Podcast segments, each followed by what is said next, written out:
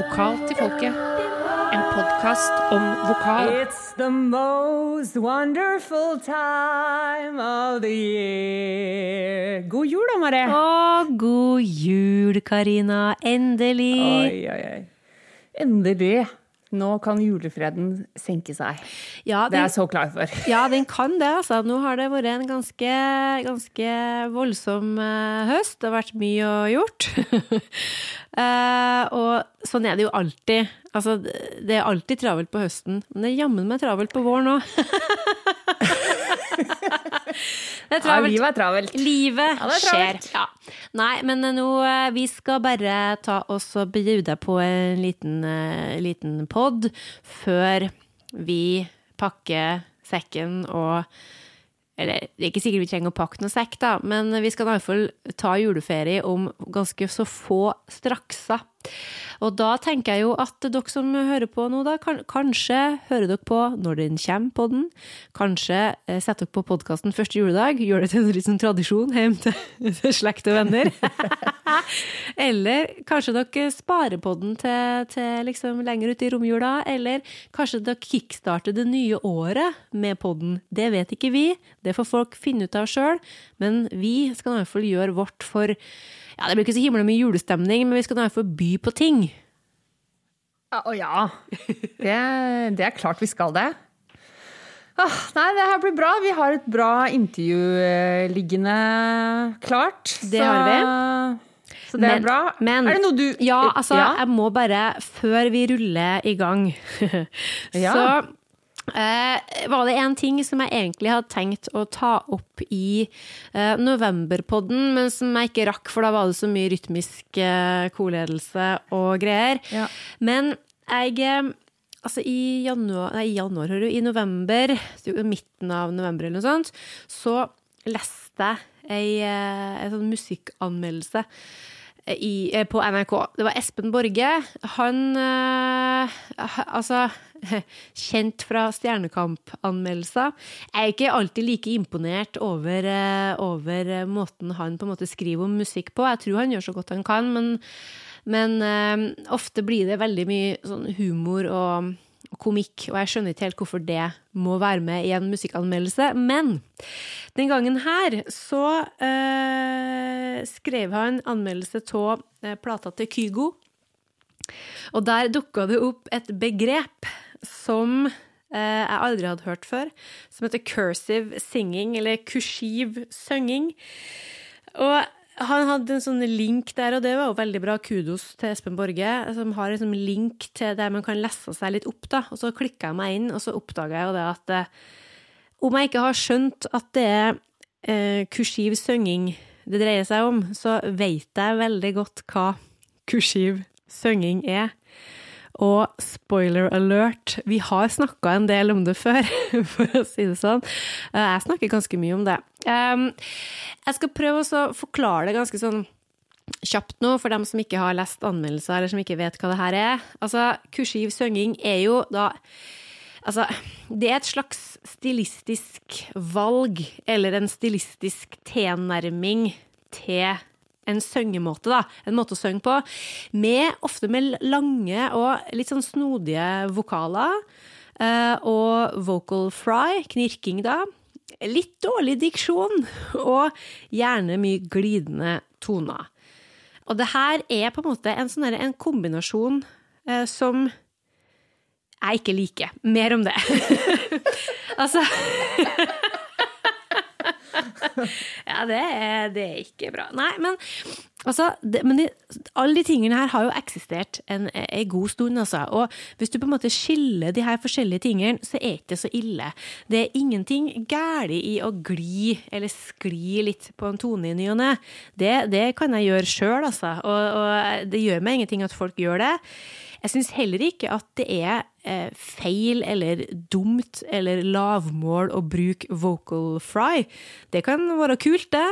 Og å bruke på en måte Å synge på lange vokaler og liksom hva skal jeg si, jåle det til, eller liksom vri det til, det er heller ikke Jeg er ikke noe imot det. Nei. og til en viss grad så syns jeg òg at det å på en måte kamuflere et ord i ny og ne òg er et kunstnerisk valg. Altså Av og til så lar man kanskje siste ordet i setning. At man liksom feider det ut, eller pakker det inn, eller, eller altså uttaler det, strekker det ut, og kanskje bare dropper å og ta med T-en på slutten, hvis det er engelsk, da, for, for, å liksom på en måte være litt hemmelig. Altså, Alle de her tingene her har jeg gjort sjøl. Jeg har hørt veldig mye på altså, Tori Amos og, og Bjørk, og altså, de styrer nå på og tar seg den friheten, og det er helt greit.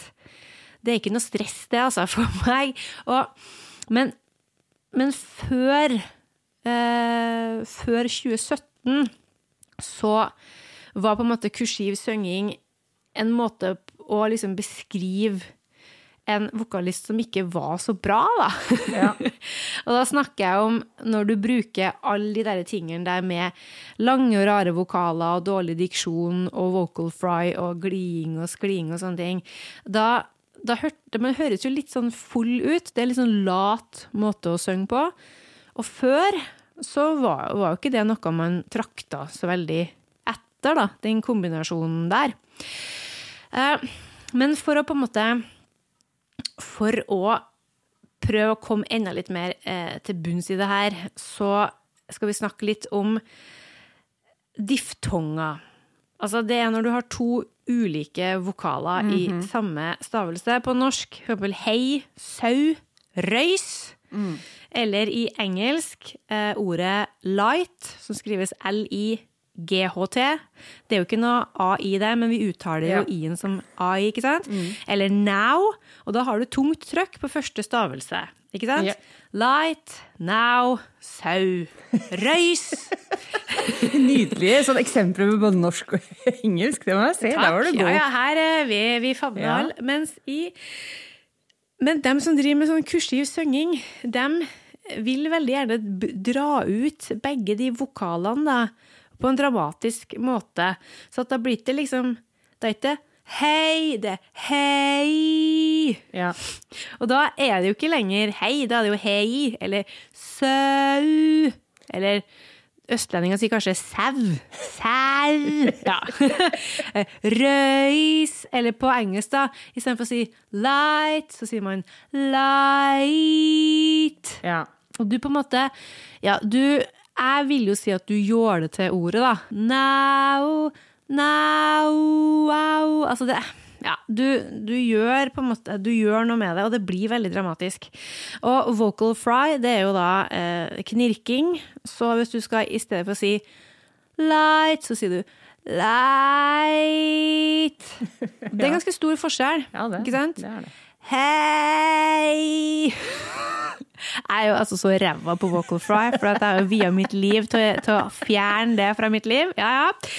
Og så har du jo slurred words. Ja, det er jo veldig dårlig sagt. Slurred words. Altså eh, slurvete ord. Ja. At du dropper konsonanter. Altså du bare, eller du, du mjuker dem opp, feider dem ut, og så plasserer du vokalene dine på en ja, på en litt annerledes måte. Hvis du har setninga liksom uh, Oh, my heart is broken. Så kan du da velge å, å si liksom Oh, my heart is broken. Ja. Da har du kutta ut en del ting. Det, men det går an å høre at du synger det, men det høres litt sånn slapt ut, da.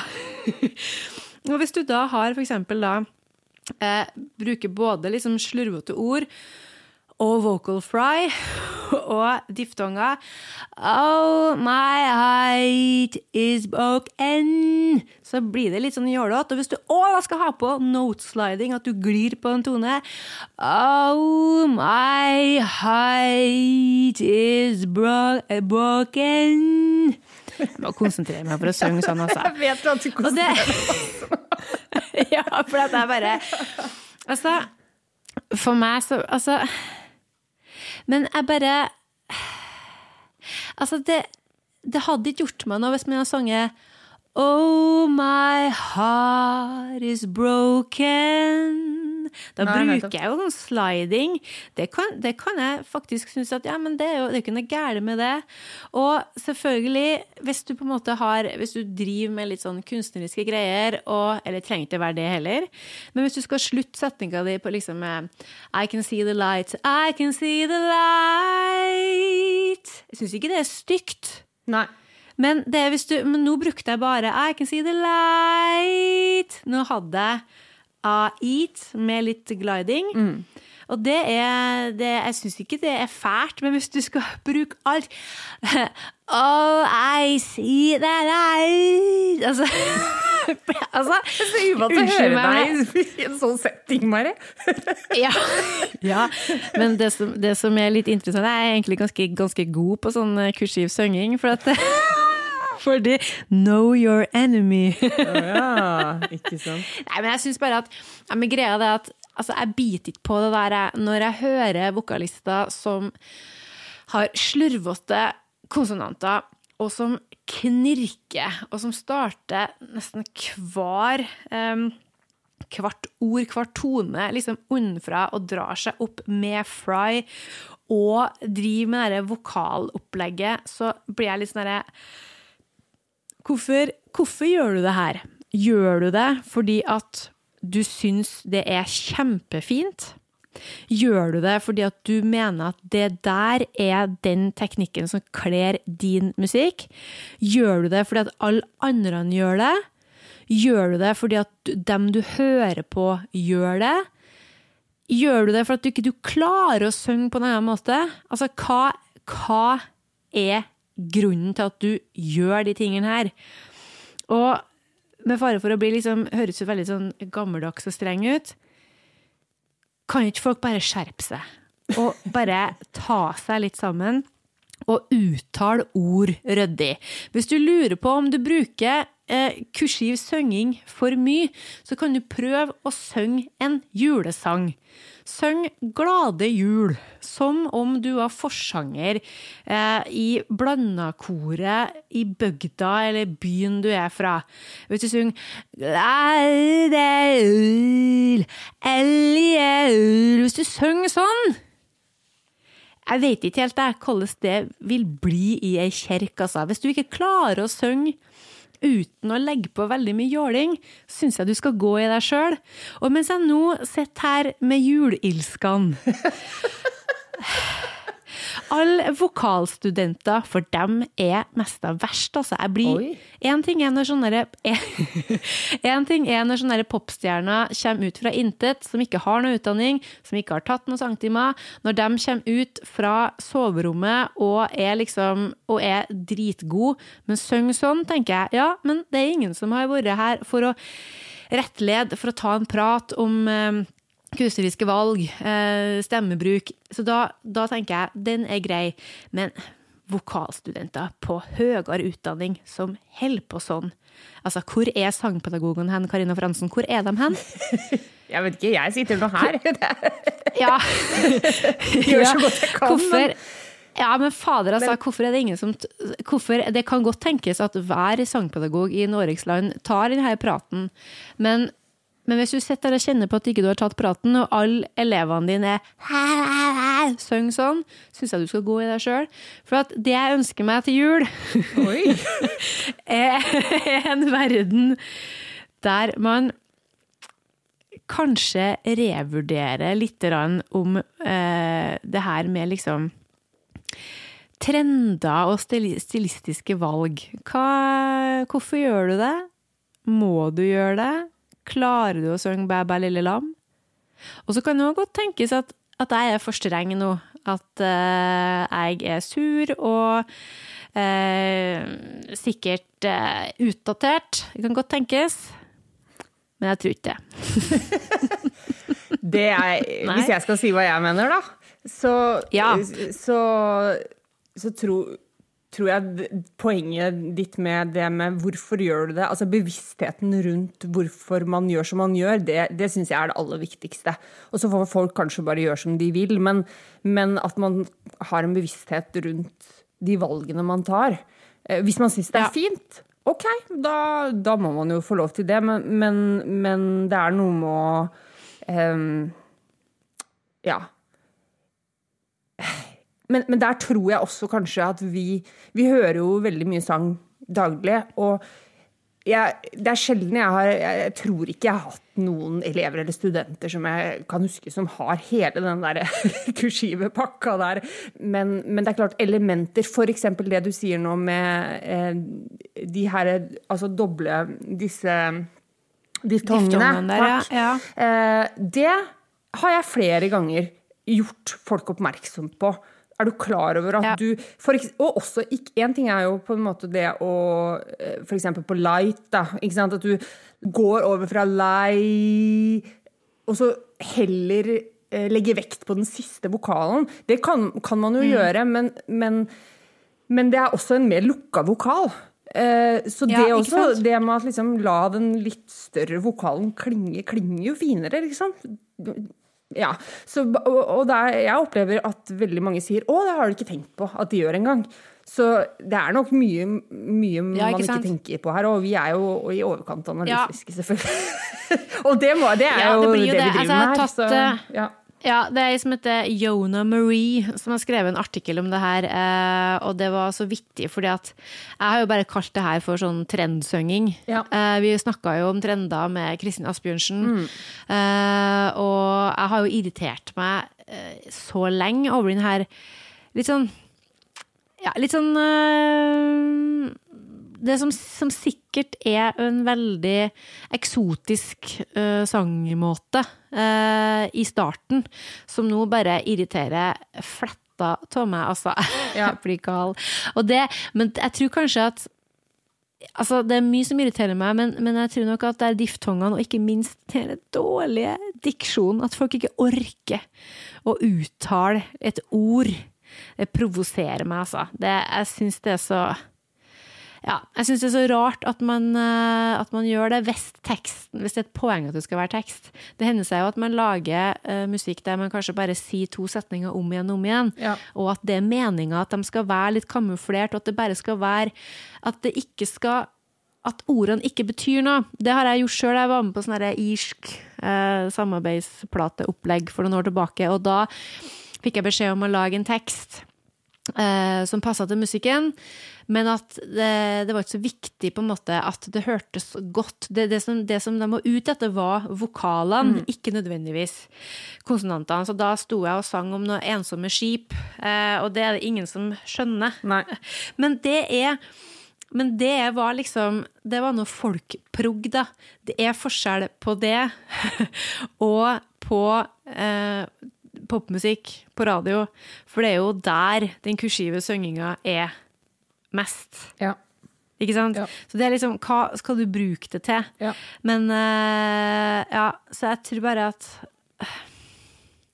ja, jeg syns, syns bare det er litt dumt, for alle sammen høres prikk lik, lik ut. Jeg syns jo det var veldig vittig, for du sendte meg jo den artikkelen Ja, og så jeg leste bare litt, jeg hadde ikke fått lest alt, og så sa du det at eh, du hadde lest den anmeldelsen til den nyeste Kygo-plata. Og så hørte jeg tilfeldigvis på en spilleliste eh, med sånn New Music Friday. Det gjør jeg aldri, men jeg gjorde nå det tilfeldigvis den dagen. Tenkte, Nå skal jeg jammen meg Ja. oppdatere meg litt. Og så var det låt nummer to på den spillelista eller noe sånt nå. Så begynte han, ene, han sangeren å synge. Og jeg bare Herregud! Det her er kursiv synging! Jeg kjenner, det var helt, Og så gikk jeg og så hva det var. Det var den låta! Og jeg Ja. anmeldelsen etterpå. Det var akkurat den låta og den sangeren som han eh, eh, anmelderen hadde eh, Ja. nevnt da, i den anmeldelsen. Altså, jeg sendte jo melding til deg bare eh, Hæ, uh, se her, se din anmeldelse her. Akkurat Har du hørt om uh, kursiv synging før? Det har ikke jeg. Jeg rekker ikke å lese artikkelen nå, skrev jeg, og du bare Å, jeg skal sjekke det ut. Og så, men så leste jeg bare jeg jeg hørte bare et Jeg eksempel, også. og så jeg melding til deg. Å ja, ja, nå vet jeg hva det er. Og det, jeg hater det! Men det var, det var en sånn fyr som, som eh, gjorde narr av en sånn sånn indie girl-sønging og det er liksom Ah, altså Hvis folk er interessert, så kan jeg legge ut den linken Ja. uh, på Facebook. For at det, dere, må, dere må liksom bare forstå at selv om vi er litt sånn krass nå, så er det det er når det blir for uh, mye. Det, det er da det på en måte kortslutter for meg. Ja. Og, det er liksom, eh, og, det, og det betyr ikke at jeg ikke liker dem som synger sånn, altså, for det kan jeg godt gjøre, men jeg bare Det blir for mye. Det, altså, jeg er egentlig veldig glad i liksom, å si mer av alt, men akkurat her, nei. Her må man styre seg litt, altså, for det, det blir for mye. Ja. Ja, nei, Ja, men nei, det men var du, skal vi- årets julerant. Rant, som det Ja, kanskje det er heter. på- noe Ja, jeg håper at folk ikke har skrudd tå, men som bare kan holde ut med juleilskene. Ja. Skal vi gå til intervjuet? Det er litt mer lystig. Det er det, og det er det, vi skal snakke med en person som det aldri kan bli for mye av, tenker jeg. Nei, ikke sant? Ja. Faktisk. Vi snurrer i Men det gang. er god jul, da. Ja, herlighet. Yep. God jul! Vi snakkes på Ho, nyåret. ho, ho. Ah, gleder meg allerede. Ja, jeg også. Lokalt til folket.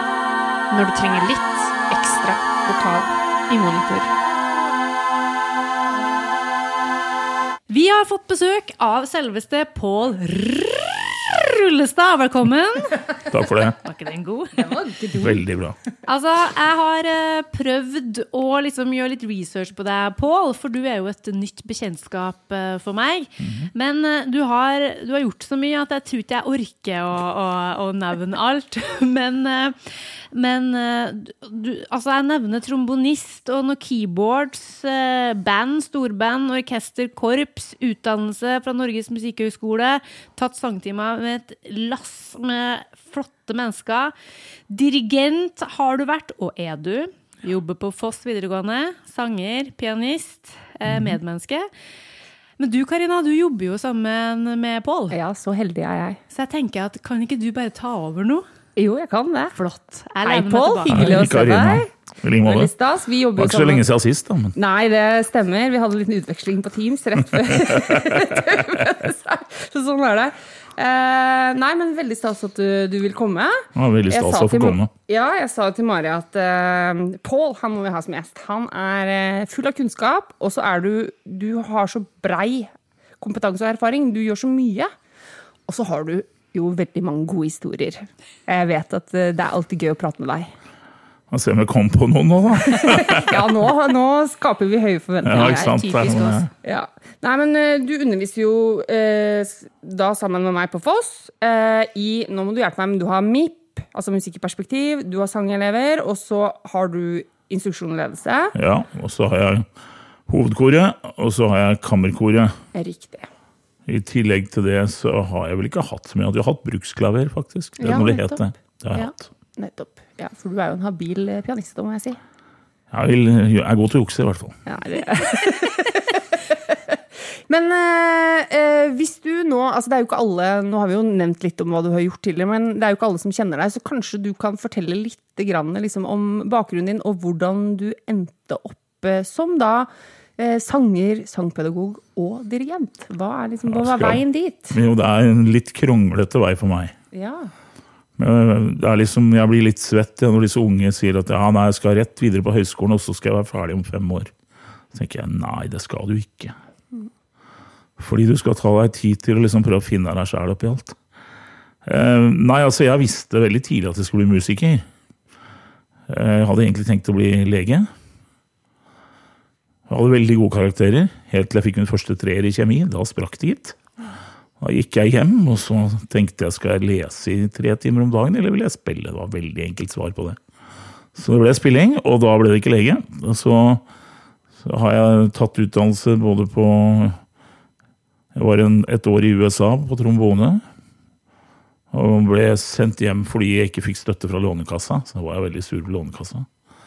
Som jeg senere da tok igjen når jeg satt i styret på Musikkhøgskolen. Jeg fikk rydda opp i det der tøyset der.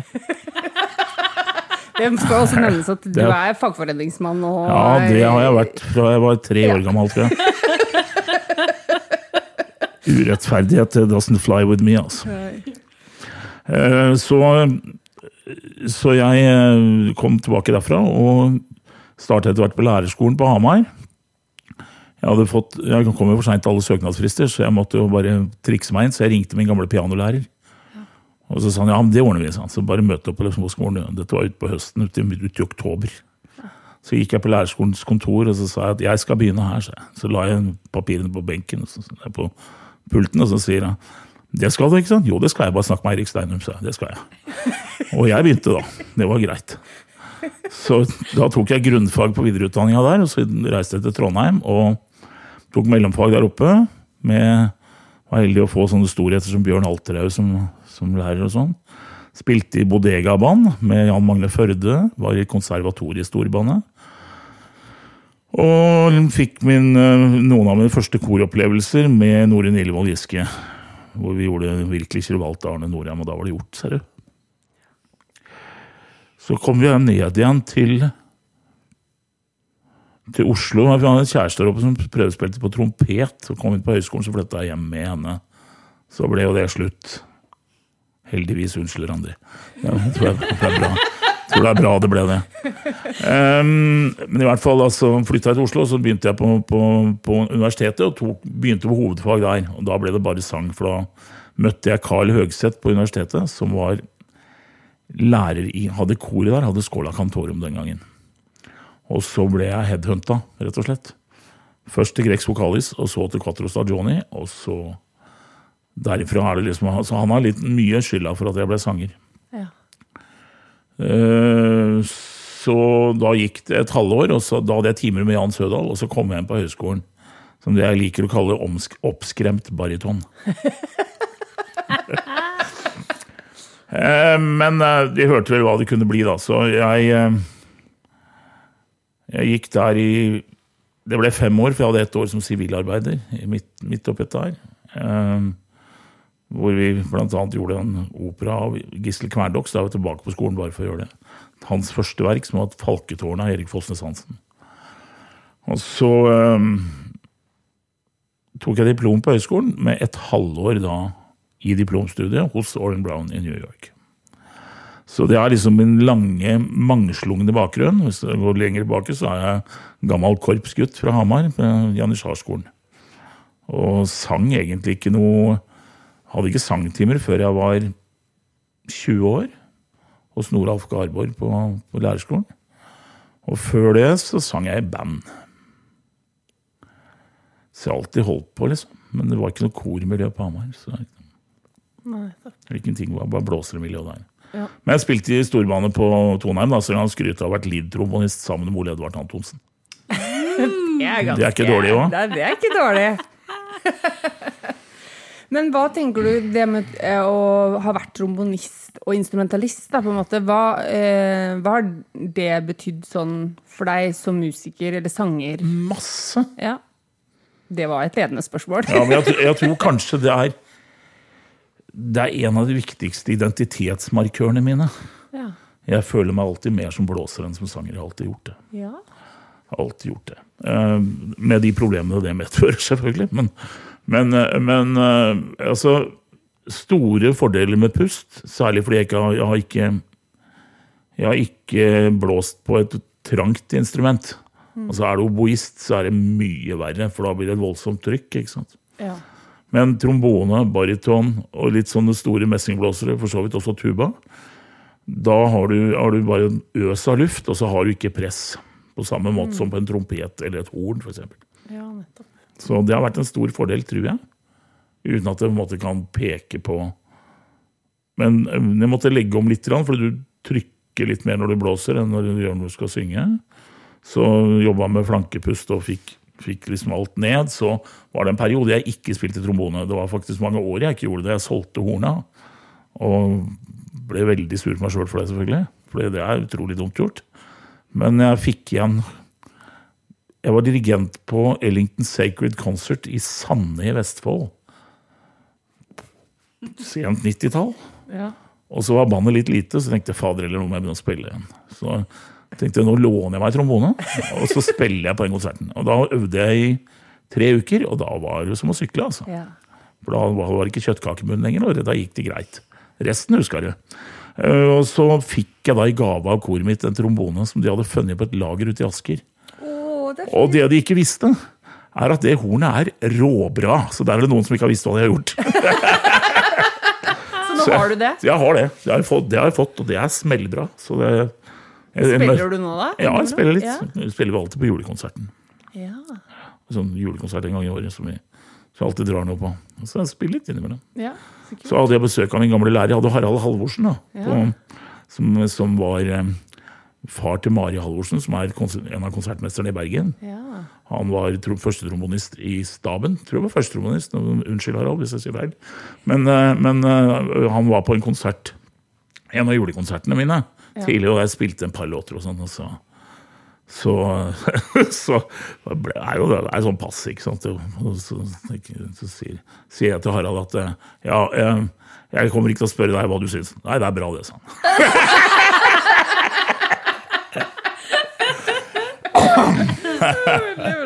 Eh, Så det var, nei da, så vi eh, jeg holder, prøver å holde litt varmt, da. Men, eh, nei, så ble det masse sang etter det. Jeg eh, hadde et Jeg tror kanskje Jeg skal ikke skryte på meg det, men jeg tror kanskje er en av de sangerne på diplom på høyskolen som har hatt lengst repertoar da jeg stoppa, eller altså av det som var framført i diplomtida. ja. Ja, det var sju timer med repertoar på to år. Oi. Det er en ganske fyldig perm. Ja, det er, det er mye noter. Ja. Så jeg gjorde, det vi vøl ikke skam, vet du. Bare klinte på. Da var det Det er ball gass. De- Debussys Baudelaire-sanger, og det var eh, Det er jo wagnerske sanger. Og så var det Songs of Travel av Von Williams, og så var det hele Skjøne inn et par ganger. Og så var det hele Dichterlivet, og det var Rykkertlieder av Maler, og det var ja, Jeg vet ikke hva jeg ikke sang, nesten. Det var så mye. Og det var kjempegøy, for det var, det var moro å gjøre det. Jeg elsker å synge lieder. Alltid gjort det. Så det er liksom Det er min pasjon. Men har du da vært veldig glad i å øve og innstudere? Ja, ja, men her kommer vi tilbake til blåsekompetansen. Fordi jeg har aldri betalt en eneste coachingtime i mitt liv. Jo, jeg ljuger nå. To. Jeg skulle øve inn Cavaradossi av Tosca. Nei, i Tosca.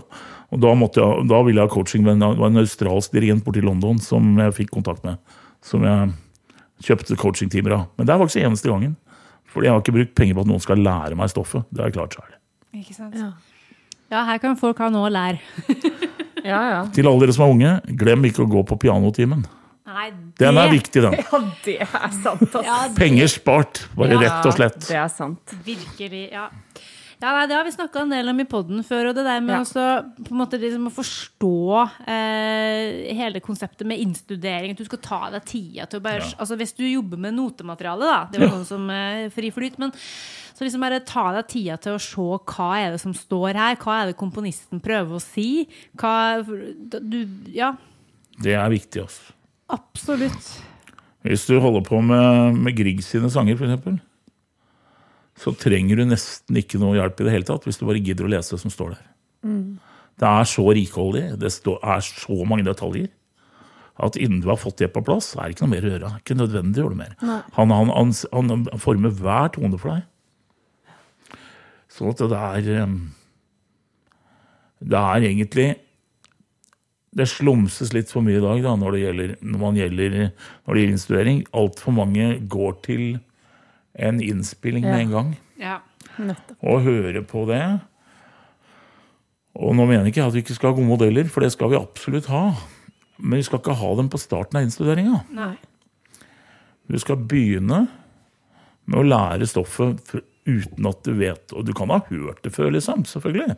Men uten at du liksom har finlytta noe.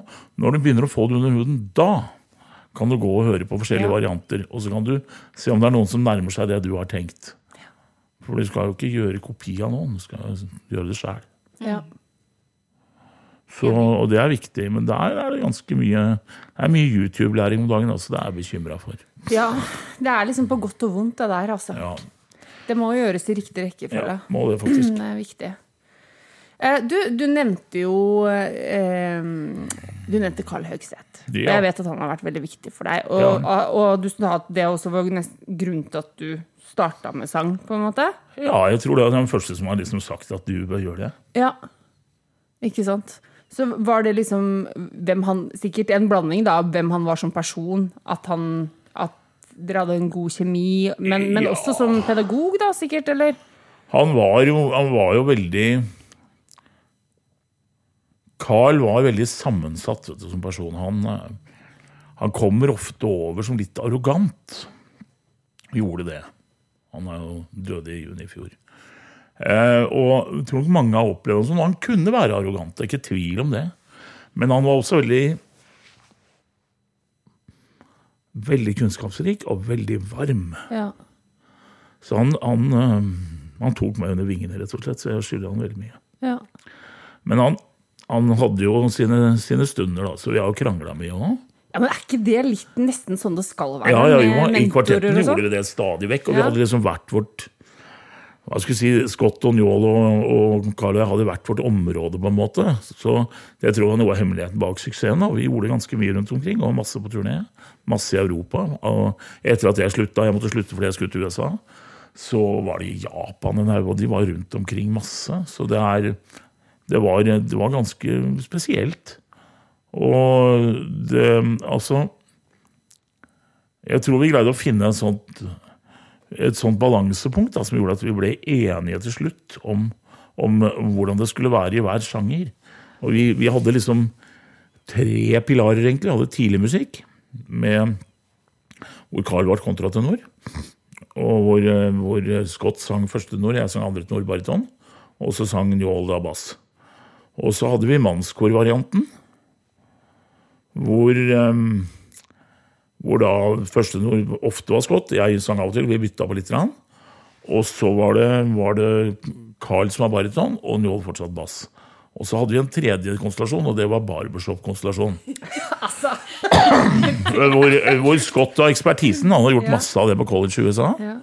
Um, og så var jeg leadsanger, og så var Scott først og førstenor. Og så, så var det baryton og bass som før. Men Så var det samme besetning, på en måte, men da helt forskjellig innfallsvinkel. Og vi skrev, låten, skrev jo en del arrangementer sjøl. Alle, alle sammen, faktisk. Så, vi, så det, det var en veldig bra drift der en stund. For det norske folk så er jeg mest kjent for lettølreklamen, tror jeg. Oh, ja. Det var, eh, det var en bilde av oss fire med, med en halv- halvliter med lettøl. Eh, og som, som da stadig synger sånn Å, så svinger vi på seidelen igjen. Skål! Og så gjorde vi det om igjen og om igjen. og om igjen for Poenget var at du kunne drikke så mye du ville, for du ble ikke full. ikke sant? Nei, nei. Det var en bra dag på jobb. altså. Godt betalt var det òg.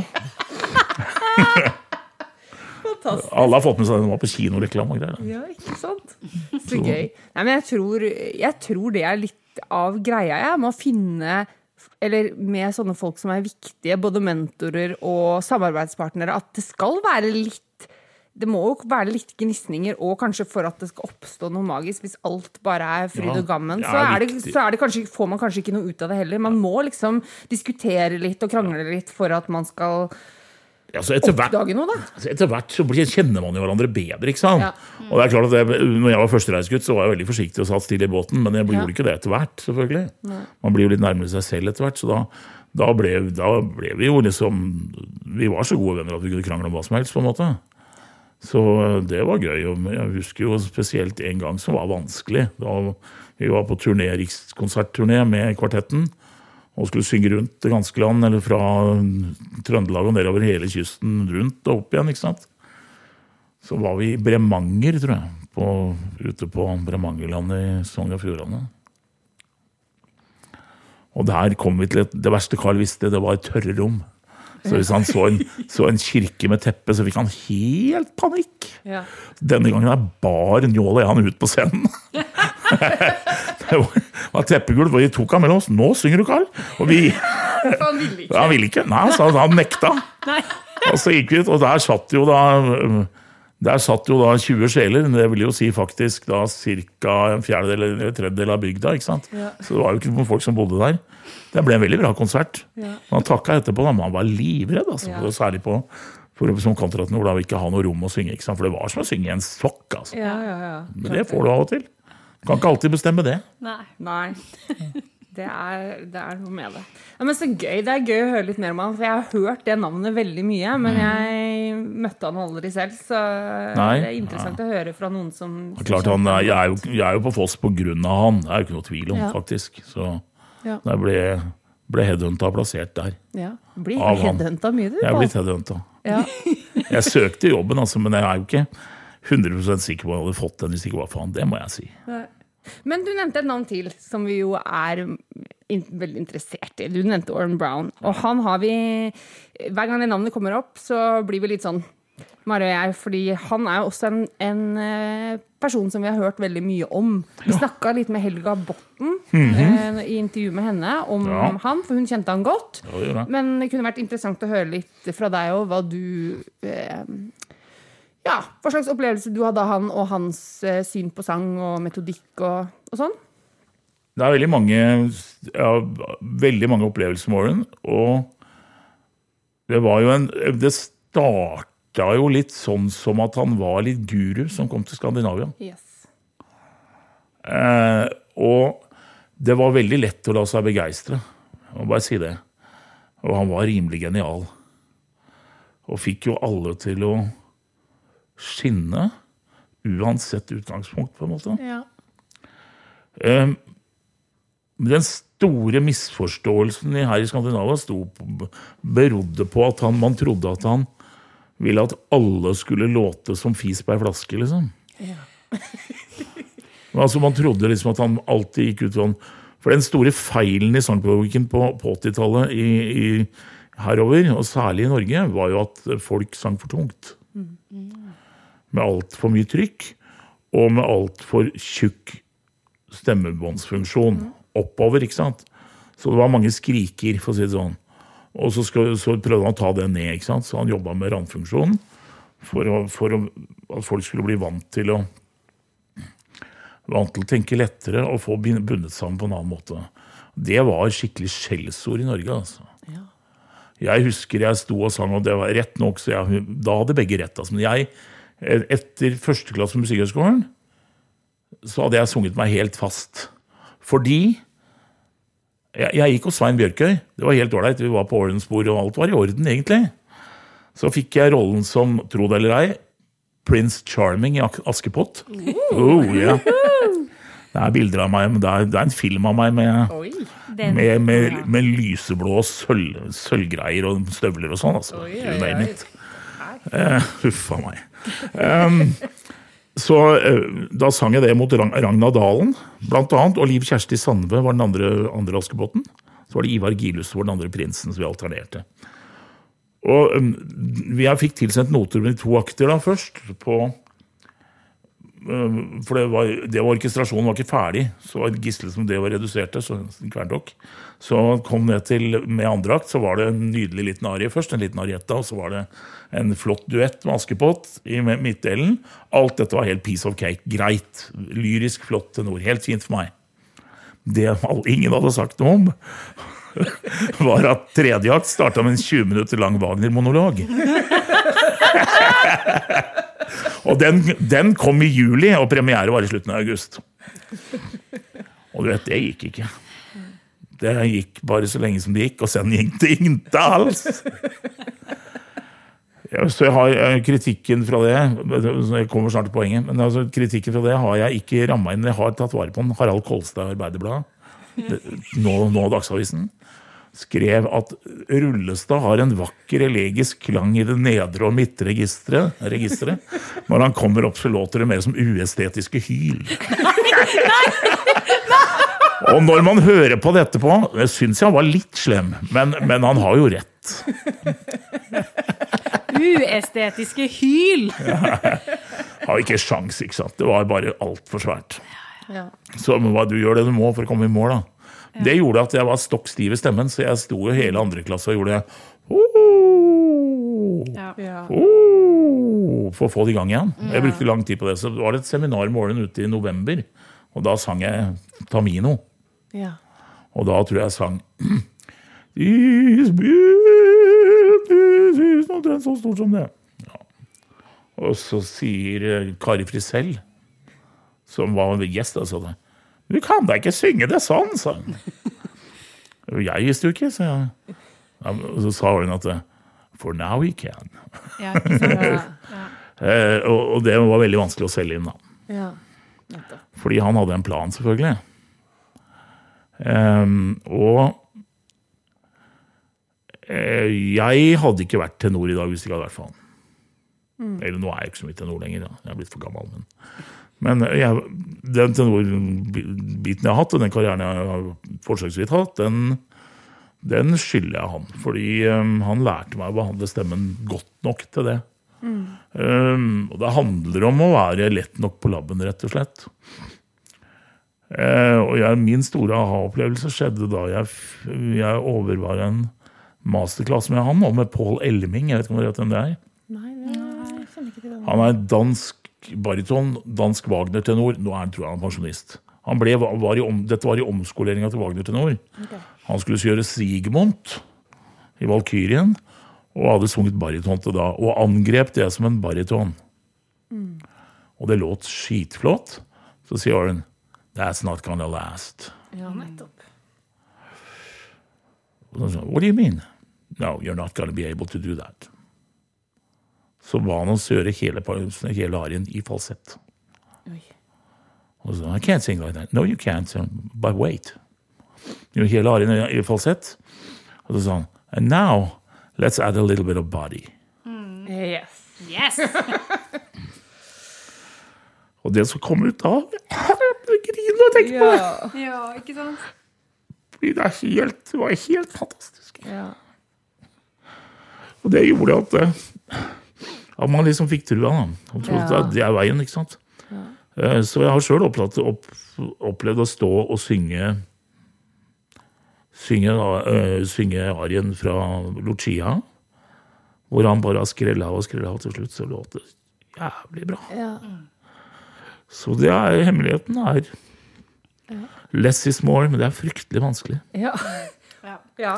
Og så må man, man, må, man må ta seg tida til å på en måte la stemmen eh, få lov til å, Ja. liksom, eh, Ja. å justere seg. Jeg syns det var fryktelig interessant det du sa om at man liksom på 80-tallet sang at liksom idealet i Gåstein var liksom å synge liksom tungt. For at eh, Jeg vet ikke med deg, Karine, men jeg, jeg aner ikke hvordan liksom, idealet var eh, på 80-90-tallet. Fordi at eh, jeg tok jo min nei. utdanning på 2000-tallet og begynte Ja. liksom ordentlig som pedagog da.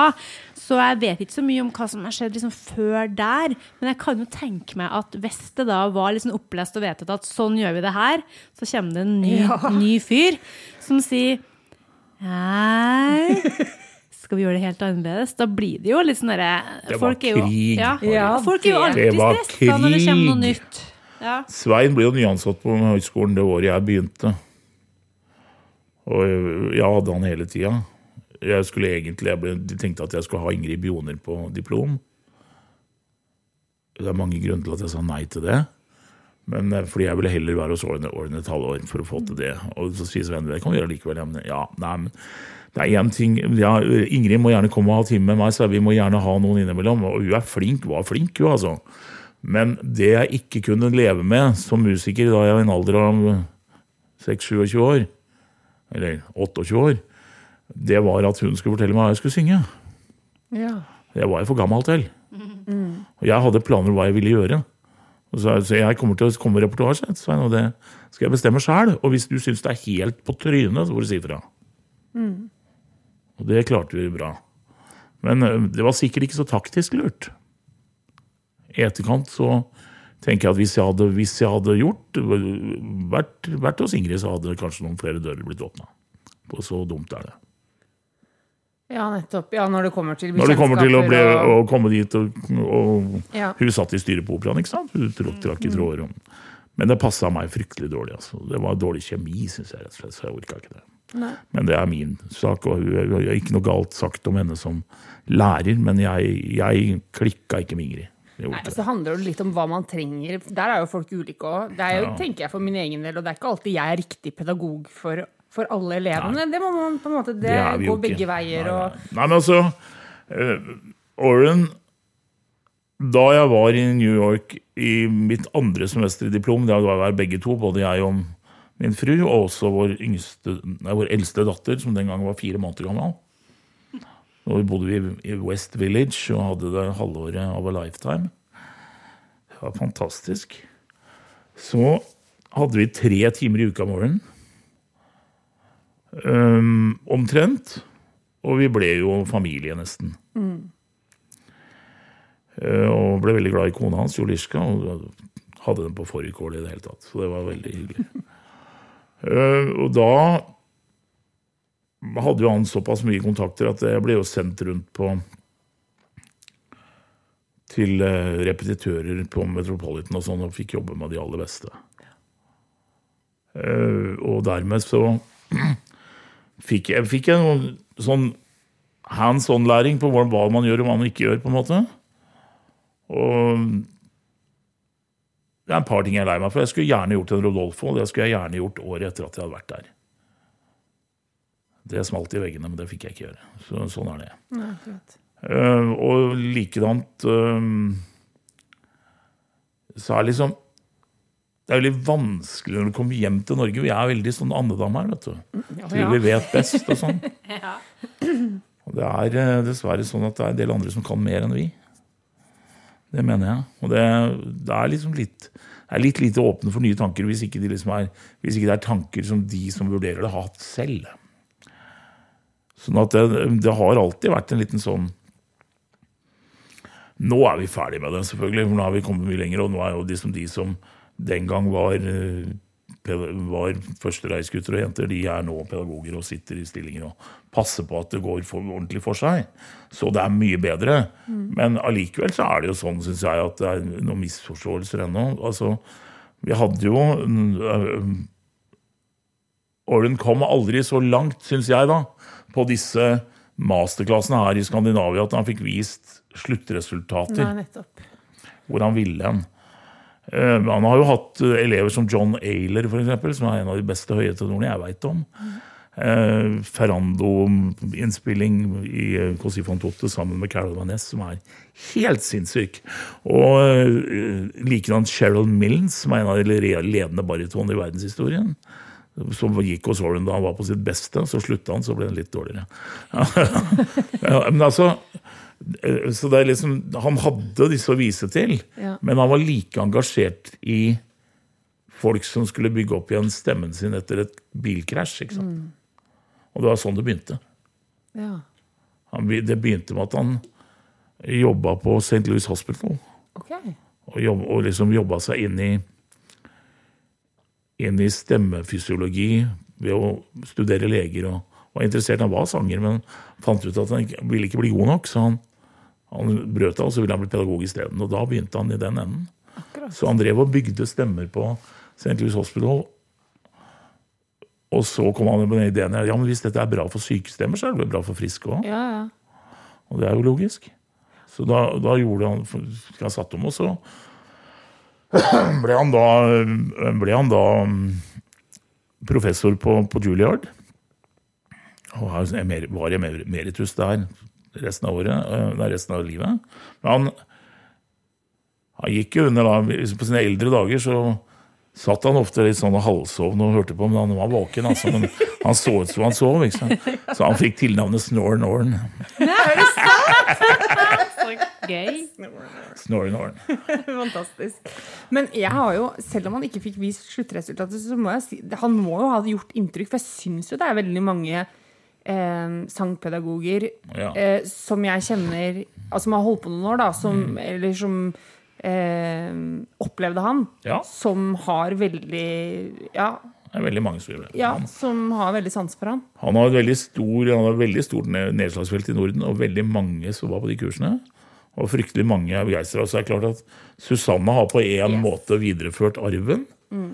Det er ikke helt likt, Nei. men det er, det er mye som er likt. Og så har hun utvikla det litt annerledes. Så er det felles for Susanne og Åren, og det er sånt som vi skal ta med. Det er jo det at det, når Og det, sånn blir vi jo. Når vi blir eldre, så begynner vi å kjøre kjepphestene mer. Ja, er det sånn det er, ja? Og Aaren Det ble bedre helt på slutten, men da mista Joliska han selv var litt syk. ja. Så ble det litt tunnelsyn. Og da Han bodde hjemme hos oss og hadde timer eh, både på Kampen og på Hamar, faktisk. Bodde han hjemme hos oss på, og fikk bo hos oss og hadde et kurs. og De kom hjem på stua under reven. og sånn. Fordi det var en måte å få det til på.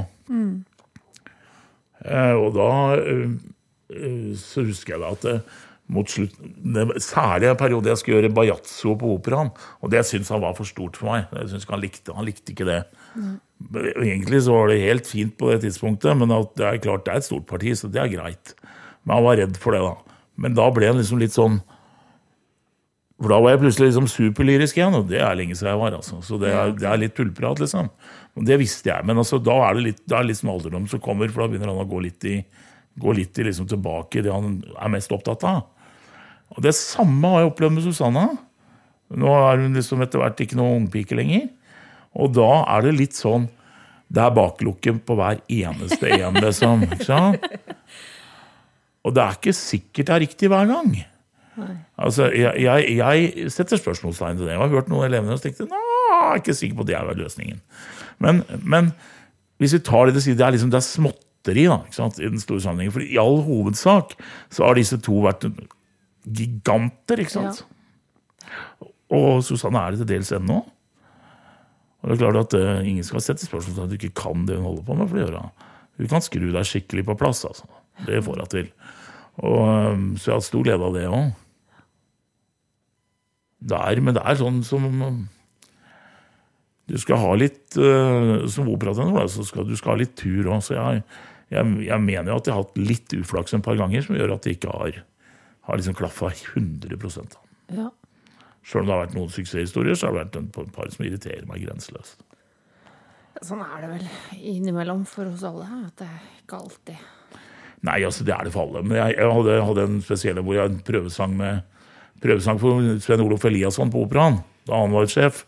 Og prøvesang med monologen fra Rigoletto, hertugen. Og det gikk kjempebra. Jeg var veldig fornøyd. Og Jeg sang en arie til, og det husker jeg farten ikke var. Men jeg fikk et veldig hyggelig brev, om de ville bruke meg, og det var veldig fint. Og så fikk jeg roller som jeg skulle gjøre Gastone i Traviata på turné, jeg skulle gjøre Remendado i Carmen, jeg skulle gjøre ja, et par andre småroller. Og dette skulle Terje Woie Hansen Vi skulle gjøre turné først, og så Terje skulle dirigere. og Alt var i orden. Og så øh, I mellomtiden så bytter de sjef, og så er det en annen som får, får de rollene fordi han hadde mer lyst på det. Og så uflaks kan du ha. ikke sant? Terje var sint som ei fele, men det hjalp jo ingenting. Så Nei, det var uflaks. Jo, ja. Ja, det, Det irriterer irriterer meg. Men altså, det er ikke noe jeg får gjort med det. Så det, jeg kan stadig ta meg og irritere meg over det, det må jeg innrømme. Men, mm. men det er jo ikke noe å få gjort med. Det er sånn det er. Det er kjørt. Så, I Norge er det så lite. ikke sant? Det er så lite land at eh, akkurat når det gjelder på operaen så Jeg har vært gjest der senere, og jeg har gjort ting, men, eh, men liksom det toget gikk da, tror jeg. Tror jeg da. Men når var det du bestemte deg for å bli sangpedagog? Tja. For én ting er å synge og begynne å synge, og sånn, men når var det du kom, fant ut at nei, dette skal jeg gjøre med en underviser? Ja, jo liksom eh, Det handler vel litt om muligheter og sånn, da. Eh, Jeg eh, har jo alltid syntes det har vært gøy å undervise. Kanskje jeg har ikke undervist mest sang før jeg begynte med det på Foss, det har jeg ikke gjort, men jeg har alltid syntes det var greit å stå i klasserommet og gjøre sånne Ja. ting. Um, og så em, så bød det jo seg en åpning da plutselig, fordi at det var eh, sammenfall av en flere som vi skulle ha med på pensjon. Altså både Rigmor Tarøy og Randi Winther Andersen og Carl Høgseth samtidig, på en måte. Carl skulle ha AFP, AFP da. Så da var jeg inne som vikar på Foss fra 2002. Nettopp. Og så ble jeg tilbudt stilling da i 2003, eller søkte og fikk den. Og da handla det, det skal jeg være ærlig å si, da handla det litt om lommeboka, altså. Ja. Eh, Fordi det er et eller annet med at det kom til et punkt i min utøvende karriere hvor jeg sang uhorvelig mye oratorier og sånn en periode. Altså jeg mener Mozart-året 1991 så sang jeg 30 Mozarts rekviem. Jeg gjorde det, altså. Jeg, jeg tror jeg nesten er rekord. Jeg, jeg tror jeg var på nesten alle plakater i Norges land. Eh, jeg gjorde det, men det er nesten slutt på det nå. vet du. Så jeg, det begynte, jeg begynte å merke det på slutten av min aktiv, mest aktive karriere at, det, at du slapp ikke til der, fordi de hadde begynt med agenturer og fart. ikke sant? Og jeg hadde ikke noe agentur. Og jeg hadde ikke noen ambisjoner om det heller, egentlig. Men det var i hvert fall ingen som spurte meg, så jeg, jeg tror ikke liksom jeg hadde fått det heller. Så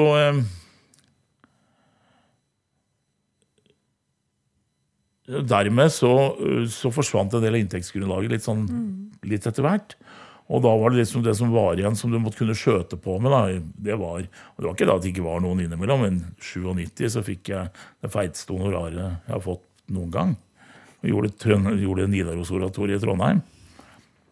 Da ringte produsenten meg og lurte på om eh, jeg skulle altså, Urpremiere på Arne Nordheims Nidaros-oratorium, 'Kongen og dronningen' og 'Tusen år siden ble hele farten. Det er selvfølgelig kjempegøy. Jeg hadde sagt ja uansett.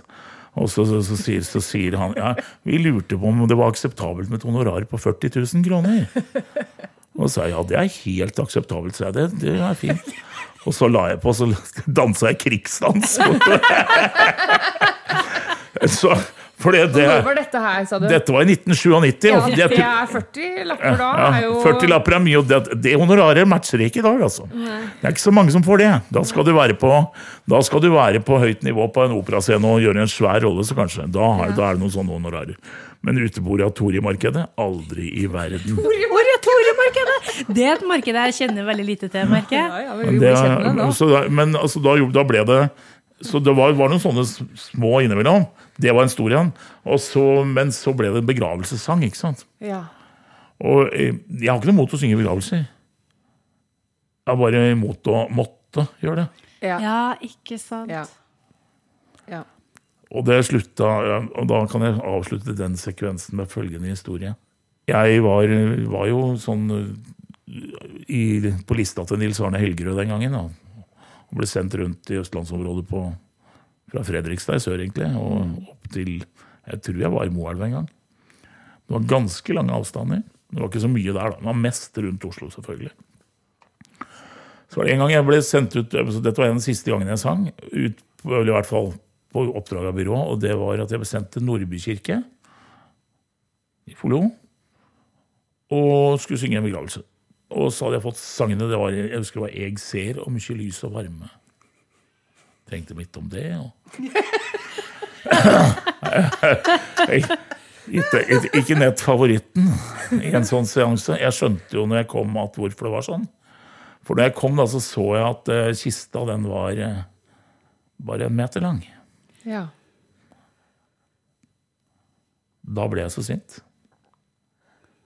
at jeg sa til organisten Du, nå tar jeg mine hodetelefoner, og så setter jeg meg bak hjørnet der. Før jeg går og gjør det, jeg, så går jeg på butikken og kjøper Kvikk Lunsj og Cola og VG. Og så skal du bare vinke meg fram når jeg skal synge. ja. Jeg skal, ikke, jeg skal ikke vite noen ting. Nei, om det nei. Og så ringte jeg begravelsesbyrået etterpå, og så kjefta dem huden full og sa takk for meg. Ja.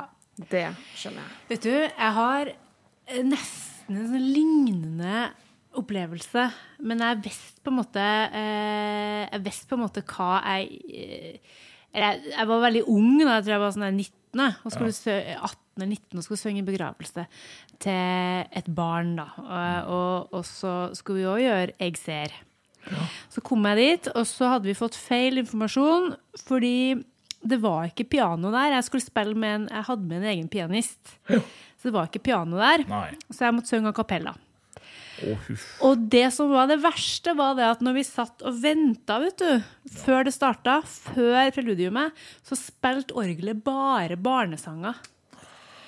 Og jeg, sånn Lillebrors vise. Og det her var en liten, liten gutt på seks år men sånn som var sjuk hele Og jeg, og jeg satt der og jeg tenkte bare at det her Åh, det, Og så skal du stå der da og synge a cappella. Eh, jeg ser.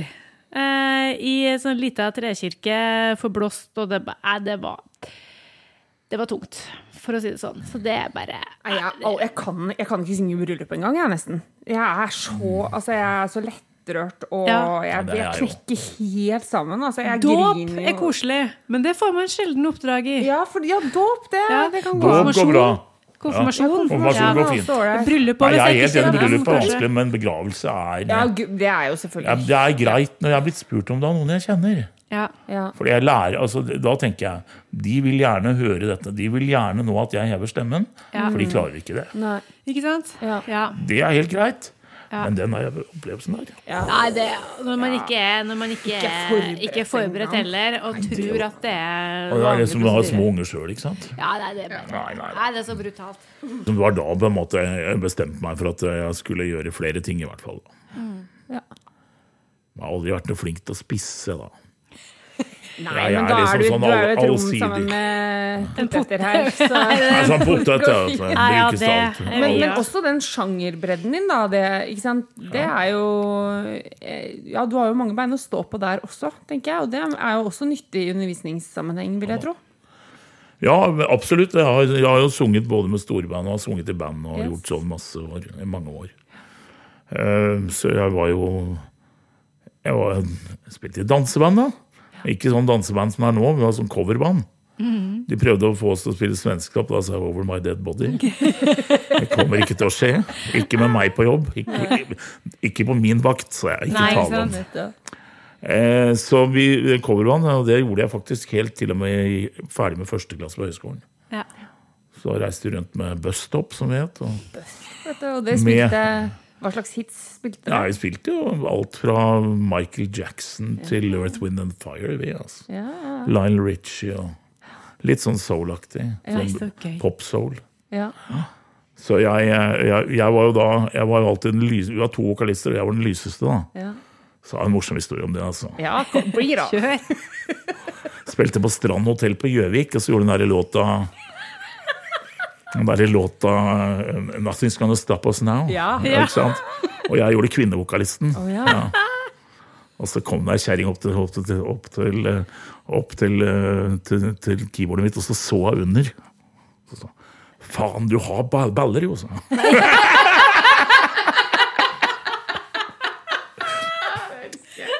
Men da spilte du keys også? Ja, og ja, sang? spilte keys og sang. Ja. Ja. vi gjorde det begge to. Begge, begge keyboard, vi var to keyboardister som sang, og så var det en gitarist og en bassist. Så hadde vi ingen trommis, fordi det var ingen vi syntes var bra nok, så vi brukte trommemaskin. Det tror jeg du har før! Stemmer Og det? er ikke hvilken som helst trommemaskin, det var en sånn gammel Roland oransje, vet du. Så det er det aller dårligste. Jeg har brukt mange timer på å programmere den. Altså. Programmerte alt, vet du. Ja, Helt ja, til siste greie. Du må ikke spille for lang gitarsolo, da, så det Ja, for da spilte dere jo rett og slett på klikk, da, på en måte. Ja, ja, ja, altså, jeg mener, den er så lang som den er, og så ja. spiller du lenger, så er det slutt. ikke sant? Kan ikke ta et gitarkort til, altså, det går ikke. Men det var moro. Vi fikk utrolig mye jobber, altså, så vi, vi drev bra en stund. Um, men det ble for slitsomt å være på jobb til klokka fire om morgenen og skulle Ja. på skolen klokka ni, så det måtte slutte med det. Det er ikke så godt å Det er ikke så bra med sang, i hvert fall. Nei, sangstudier. Nei, det var ikke så bra. Nok søvn og hvile. Det var litt av det. Ja, men det Så, skjønner jeg. Nei, men så jeg har brukt det masse. Og jeg, så har jeg spilt mye på Så har jeg både spilt mye og også sunget litt med storband. Og så har jeg, har jeg da gjort en del revy. Jeg har vært kapellmester på revy. Jeg var, var repetitør på Ukerevyen i Trondheim. Altså jeg har liksom vært med på veldig mye forskjellig. Ja. Det har jeg gjort. Det er jo utrolig mye kunnskap du har, da. Jo, det er vel kanskje det. Ja, det høres jo ja, sånn ut. Altså, repetitør, og det er ikke enkleste jobben bare det heller, tenker nå jeg, da. Nei, det er eh, også- Og så dirigerer du jo kor. Det må vi ikke glemme. Ja, jeg har dirigert kor, og jeg har dirigert masse orkester. Jeg har dirigert eh, korps. Nettopp. hadde skolekorps i ti år på Kampen. Da jeg fikk det opp igjen å stå. Og så ga jeg meg når min yngste var ferdig som, som melodisk slagverker. Da tenkte jeg nå bow Ja. out. Ja. Men det var fine år. Men du, når du dirigerer kor Ja.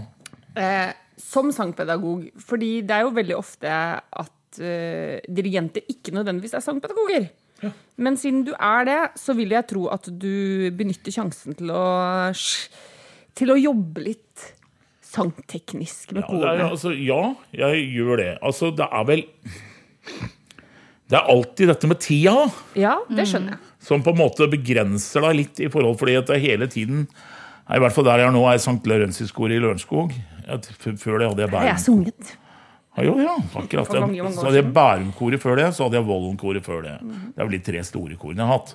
Eh, Men nå er jeg, har jeg vært i Laurentis-koret siden 1.1.2020, så det var en bra start. Med pandemi sånn etter halvannen, må- to og en halv måned. Og skjerm, skjerm på kor, det anbefales ikke. Nei. Det var krise. Ja. Men i hvert fall da, så, så opplever jeg nå at um, vi jobb, prøver å jobbe teknisk med ting. Og nå skal det være en svær musicalforestilling, faktisk, i april. I Lørenskog-hus. Som er en sånn musical-kollasj med alt mulig rart. Og da er, blir lagt regi, selvfølgelig, og så skal det være noen spillgrupper, og så skal det være noen solister, og så skal det være duetter, og det skal være Koret blir dessverre nokså stillestående, for det har med mikking og sånn å gjøre. Ja, selvfølgelig. Eh, Men kostymer på hele farten og sånn, så det er et svært opplegg. Og det er mye som skal ferdigstilles. Så nå synes, akkurat nå så syns jeg faktisk at jeg har litt for dårlig tid til å jobbe teknisk. For det er mye innlæring. Og innen vi er langt som innstøring, så tror jeg vi er midt i produksjon. Altså. Så det er, lett, det er ikke så lett å få liksom, dytta det inn. Men nå har vi jobba Vi, eh, vi, vi gjorde Carmina Borana i fjor. Da fikk jeg jobba ganske teknisk med med gutta en del, og også med sopranene, som jo trengte litt hjelp på disse aller aller høyeste tingene. Men nå er det mange flinke sangere der, så det gikk tålelig bra.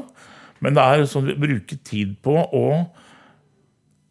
å lette arbeidet for dem. For det, er ofte problemet er jo at de Det er greit å ville mye, men det er ikke alltid det, hjelp, det hjelper så mye å ville hvis man ikke får, noen, eh, hjelp, får litt hjelp til å løse det. Ja.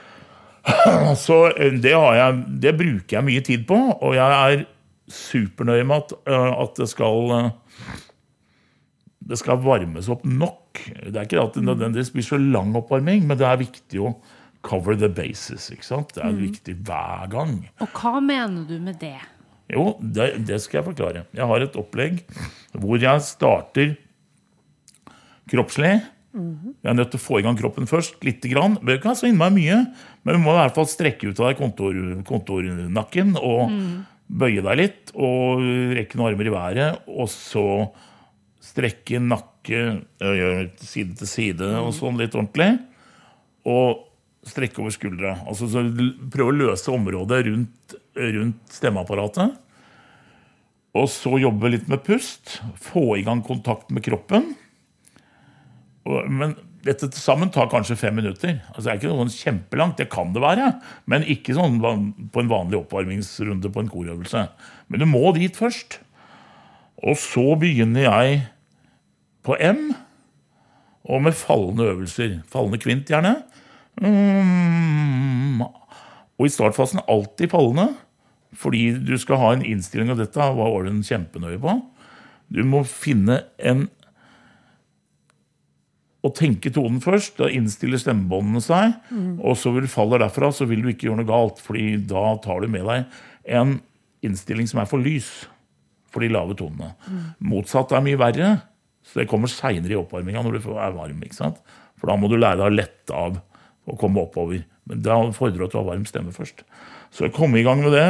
M, mo, moi. Og så gjør jeg vokalutjevningsøvelser. Moai. Litt nedover først. Og når det er i orden, så tar jeg ned, ned i kjelleren.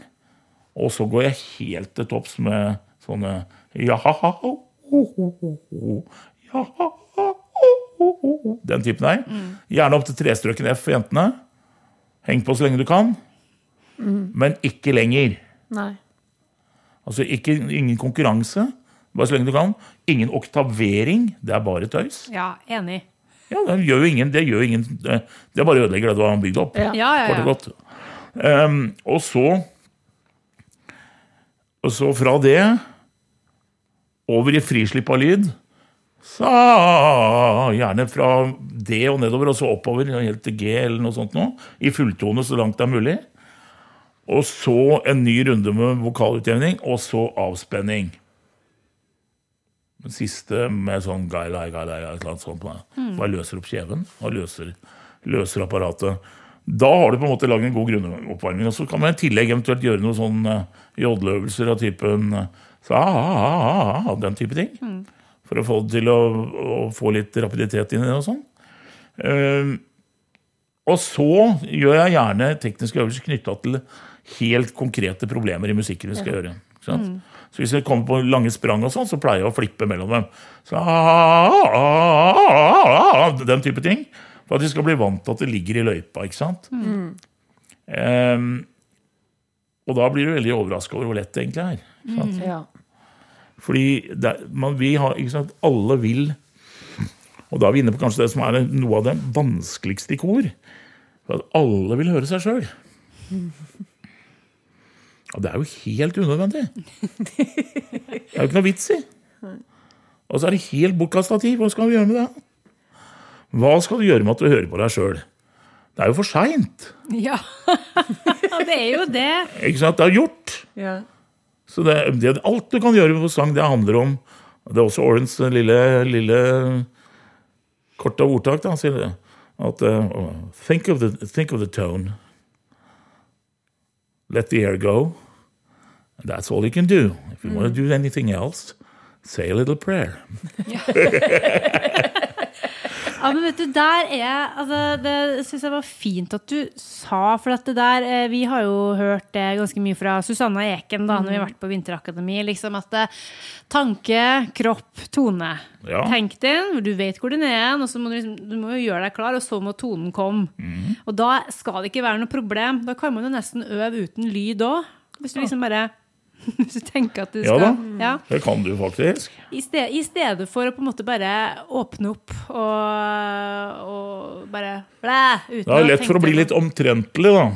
Ja, Ja. altså, det er jo ikke sånn at jeg anbefaler folk å øve uten lyd, også, men, Nei, nei. men, men det er noe med det at eh, For vi hadde jo, eh, vi hadde jo besøk av ei som eh, måtte, måtte være stille i over lengre tid pga. en sånn stemmeoperasjon. Hun fikk ikke lov til å høre på musikk engang.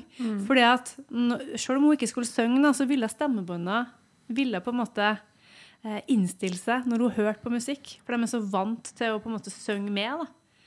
Og det var ikke jeg klar over.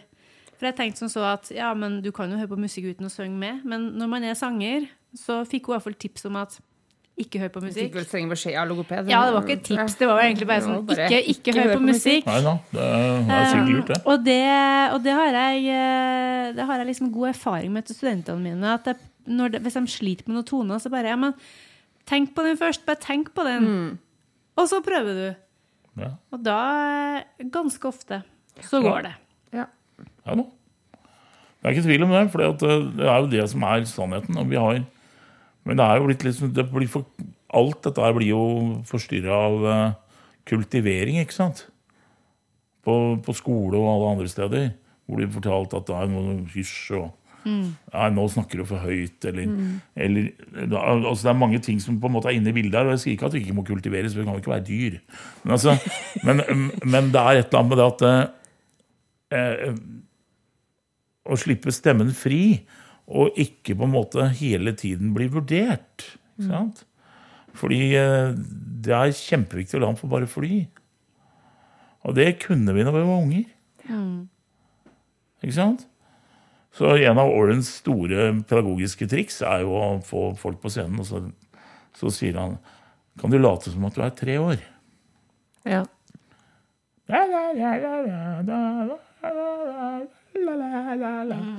Og så får han det i gang, vet du. Ja. Mang en Strauss-lyd har kommet ut av det. Med sopraner som er altfor tunge i rumpa. ikke sant? Ja. Fordi at du tror det skal klinge så innmari stort. ikke sant? Ja. Ja. Og at det skal koste så utrolig mye krefter. Ja. Høye toner. Da må du liksom Ja, ikke sant? Og så tror man at høye toner er noe komponisten har skrevet for at det skal være vanskelig. Det er jo ikke det. Nei. Det er jo skrevet som et uttrykk. ikke sant? Det er uttrykk Ja, i linja. Og så er det klart at når du er fullbefaren sanger, så, kan du, så, så vil ting gi seg sjøl. Det blir stort der oppe da. Ja. Men som ung Nei. sopran, ung tenor, så skal du ikke drive med sånt. Nei. Fordi det skal få lov å vokse deg dit. Og det er Og her er vi kanskje ved det som jeg syns er vanskeligst nå som pedagog. Det er mitt hjertesukk. Ja, det vil vi høre. Hvorfor har folk så fryktelig dårlig tid? Ja. Alle skal være ferdig i går. Ja. Jo, men han kan det. Ja, men du kan ikke det, sier jeg. Du kan ikke det ennå. Du kan, du kan sikkert det snart. Ja, men han kan det jo han. Ja, har du spurt om han har brukt av tid på det? Har du spurt han, Ja. har du spurt han hva, hva han har gjort for å komme dit? Og det er litt nytt. ja, akkurat. Det mener jeg er litt nytt, fordi Jeg har aldri, og ikke mine medstudenter, hadde aldri noen illusjon om at det skulle være fullbefaren tenor etter to år. Nei. Nei, vi hadde nå heller ikke så veldig travelt når vi Nei, på ingen måte. Nei, jeg jeg- var da Nei, jeg hadde ingen formening om hvor jeg skulle gå engang, jeg- tror jeg. Nei, Eller hvor jeg befant nei, meg i det hele tatt. Nei. Jeg bare øvde, og så jeg, altså, Ganske tidlig så skjønte jeg det at jeg blir jo ikke utlært. Og det er litt digg, for da skal jeg bare da skal jeg egentlig, Nå skal jeg jobbe med det her. Og så jobber jeg med den sjangeren, og så jobber jeg med den sjangeren, og så gjorde jeg det, og så gjorde jeg det, for jeg tenkte at alt Ja. Alt øh, Men jeg tror kanskje sammen. du er altså det, med, det har vi snakka litt om, som kanskje har forandra seg litt i, på den skolen hvor vi har eh, studert. Eh, Så har det vel også blitt mer sånn at eh, folk som kommer inn der, nå f.eks. allerede gir ut musikk, da, og har kanskje et uttrykk allerede. Ikke sant? Når vi kom inn der vi, ja, Han hadde har ikke skrevet en låt eller to, liksom, men man ante jo Man hadde ingen tanke om hvem man var som sanger eller artist. Man, man, på en måte, man var på en måte bare student, da. Mens nå så er folk kanskje litt tidligere på den. De har Ja, ja. hørt så mye, og de har så mange tanker om hvem de tenker Nesten litt sånn som, sånn som man fremstiller seg i sosiale medier, og at man har en tanke om hvem man skal være. Og, og da har man kanskje også en tanke om hvem man, hvordan man skal høres ut, uten at man har tatt seg tid til å faktisk Ja, det jo en del av, det blir en del av identiteten deres. Så det er klart en veldig stor forskjell fra da jeg var student, for da var det ikke internett engang. Nei, nettopp. Så, jeg men vi hadde jo ikke noen problemer. Nei. Men hadde heller ikke de mulighetene, selvfølgelig. Men altså det er, eh, Men jeg syns det er ganske Altså, Jeg har alltid syntes det har vært et problem med talentdyrking Ja. når de er små og unge. Og det er det mye av i Norge. altså Virtuos og alt det der. Um, men det, det blir enda verre hvis det liksom skal bli gjengs, på en måte. At alle skal ha dårlig tid. ja. Det er enig. Da går vi glipp av noe, tror jeg. Ja, det er jeg enig i. Nå låter jeg som jeg er 60 år. Er jeg Nei, men jeg er enig, og jeg er, bare, jeg er 40, så det går bra. Nei, men det er jo late bloomers, og det er, og det er ikke alle som skal gjøre alt heller. Nei. Og at det må være greit. At, at ikke alle skal gjennom den samme eh, sjakta. Ja, alle skal kanskje lære visse ting, men det er jo ikke alle som skal gjøre alt. Og det er ikke alle som skal gjøre det til her- samme tid. Her er en brannfakkel. Ja, kjør. Det er altfor mange som utdanner seg som sangere i vår tid. Ja, det er det! Hva skal de gjøre for noe til slutt, da? Ja, de Skal alle stå i rennesteinen og synge? De får ikke jobb! De får ikke jobb. Det er ikke sjans i havet! Nei, det er ikke det. Nei, men det har jeg ment lenge. Altså, det, det er altfor alt for mange plasser som fylles opp av sangere. Og det er Jeg skjønner at universitetene vil ha penger, altså, men det blir for dumt. Det er for dumt, altså. Ja, det det er, er for dumt. Det er nesten litt ansvarsløst. Ikke sant? Ja, helt enig. Det er, jeg synes, og det er liksom kaste blår i øya på folk. Altså. Ja, for det jeg tenker ofte på, er liksom at eh, på Nå vet jeg hvor mange klassisk sangutdanninger, hvor mange bachelorer som på en måte er rundt omkring i Norges land. da. Og jeg vet ikke hvor mange som kommer inn heller, men i hvert fall på, um, på rytmisk, da, som vi gikk, eller jazz òg, Ja. tar du inn på en måte altså Når vi gikk og studerte, så var det liksom plass til én eller to. Av og til tre, hvis det var mye frafall. Det er jo egentlig ganske Altså tre, tre I året. i året er ganske mye, men det var i Kristiansand. Så har du Oslo, så har du Stavanger og Bergen og Tromsø. Og så, det, og så har du de privatskolene. Plutselig sitter du her liksom med, med 30 jazzsangere hvert år. Som liksom skal ut og tjene til livets opphold og få sunget mye og utvikle seg. Det går jo ikke. Hver mann sin festival på et knatt og en knøs. ja.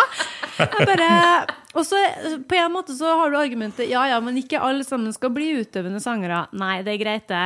Men, men det fins ikke jobb til 30 jazzsangpedagoger heller. Nei. Uh, I hvert fall ikke per år. Nei, nei, det gjør jo ikke det. Og, også, og, og, de jobbene er jo De få jobbene som er liksom på, som, på sånn veldig høyt nivå, de er jo allerede tatt. Og de blir jo bare gitt videre til en, til en annen kollega, så det er, jo, det er jo en helt annen diskusjon. Men, Det er men, det. Ja, men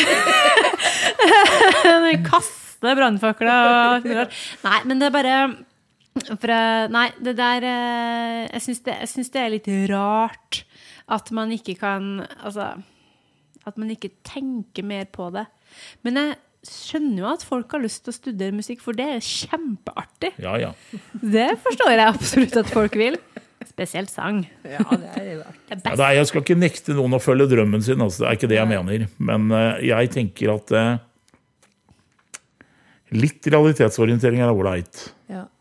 Jeg husker også da jeg var student og satt i, i høyskolekantina og aldri sa Jeg har sikkert sagt rundt bordet at jeg skal aldri undervise. Nei, ja, ja. Jeg skal bare synge. ja.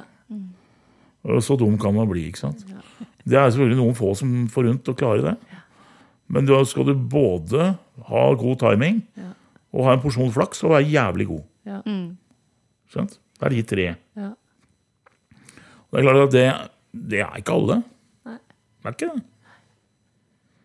Så øh, det er liksom Ja. Det er altså det er et ansvar vi har jo, mener jeg. Altså, det der i å sende folk videre altså, Jeg sitter nå med Det er ikke så aktuelt her, kanskje, men eh, på, på, på høyskolen med, med musikkteaterfolk som har, går på høyskole. Men, eh, men for meg som har, har gymnasiaster, da, så er det klart at For det første da å, å støtte folk i det de ønsker seg, selvfølgelig. Men samtidig si at kanskje du ikke skal satse på å begynne på høyskolen med en gang. Kanskje du bør gjøre noe i mellomtida. Ja. Tror du kanskje at, Jeg pleier alltid å si, sier til alle mine elever Jeg sier at eh, jeg syns at det er lurt av deg, og det sier jeg til alle, sier jeg, å ta et år hvor du går på folkehøyskole. Og så bruker du det året på å finne ut om du er glad i å stå på øverrommet. For det har du ikke prøvd her. Nei. Her har du hatt altfor mange andre ting å holde på med.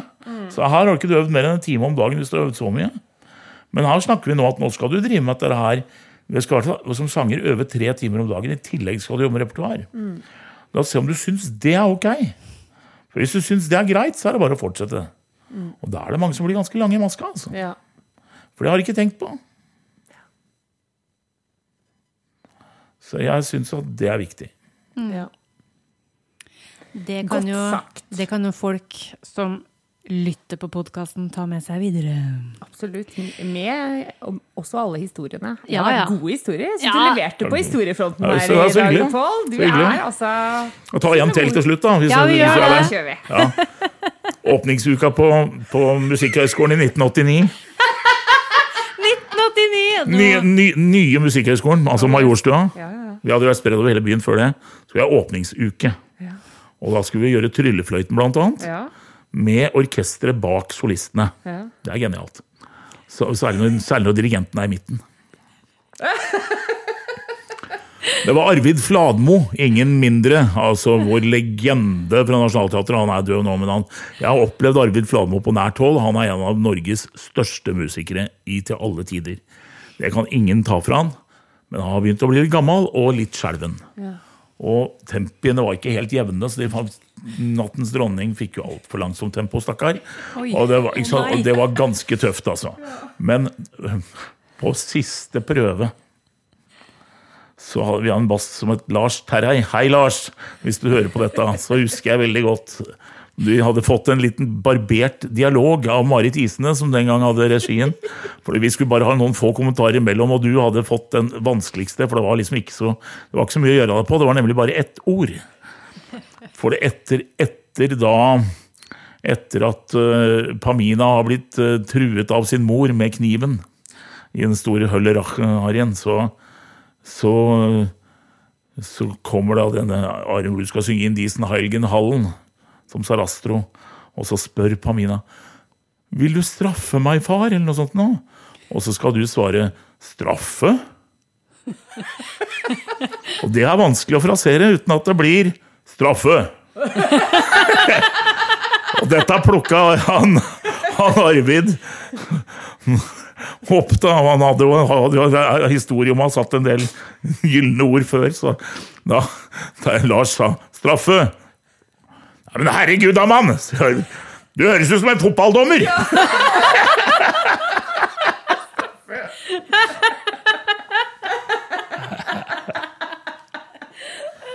Veldig bra. Fantastisk. Det er et godt minne. Ja, det er vil jeg tro. Altså, Pål, du skal jo av gårde på, på kordirigering, du, så vi må rett og slett bare Ja slippe deg ut av studio. Men tusen hjertelig takk for at du ville komme hit. Bare hyggelig. Veldig Det- hyggelig å bli spurt. Ja, det Ja, jeg chatter deg fælt. Nei, det her er helt Det er eh, derfor vi ba deg. Ja. For at du skulle chatte. Ah, og kanskje kan du komme tilbake igjen, eh, for jeg føler at det er sikkert flere ting vi kunne ha snakka med deg om. Sikkert. Så du skal ikke se bort ifra at det kommer en liten brevdue når det ligger utpå her. Nei, da. Det er hyggelig å bli spurt. Ja. Kjempehyggelig. Supert. Takk for besøket. Takk Takk for meg.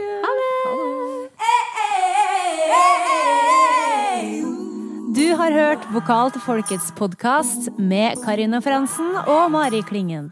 Besøk oss på vokaltilfolket.no, finn oss på Facebook og Instagram, og gi oss gjerne ei stjerne i iTunes. Vi tar gladelig imot tilbakemeldinger, tips og innspill. Så ikke nøl med å sende oss en melding. Vi snakkes!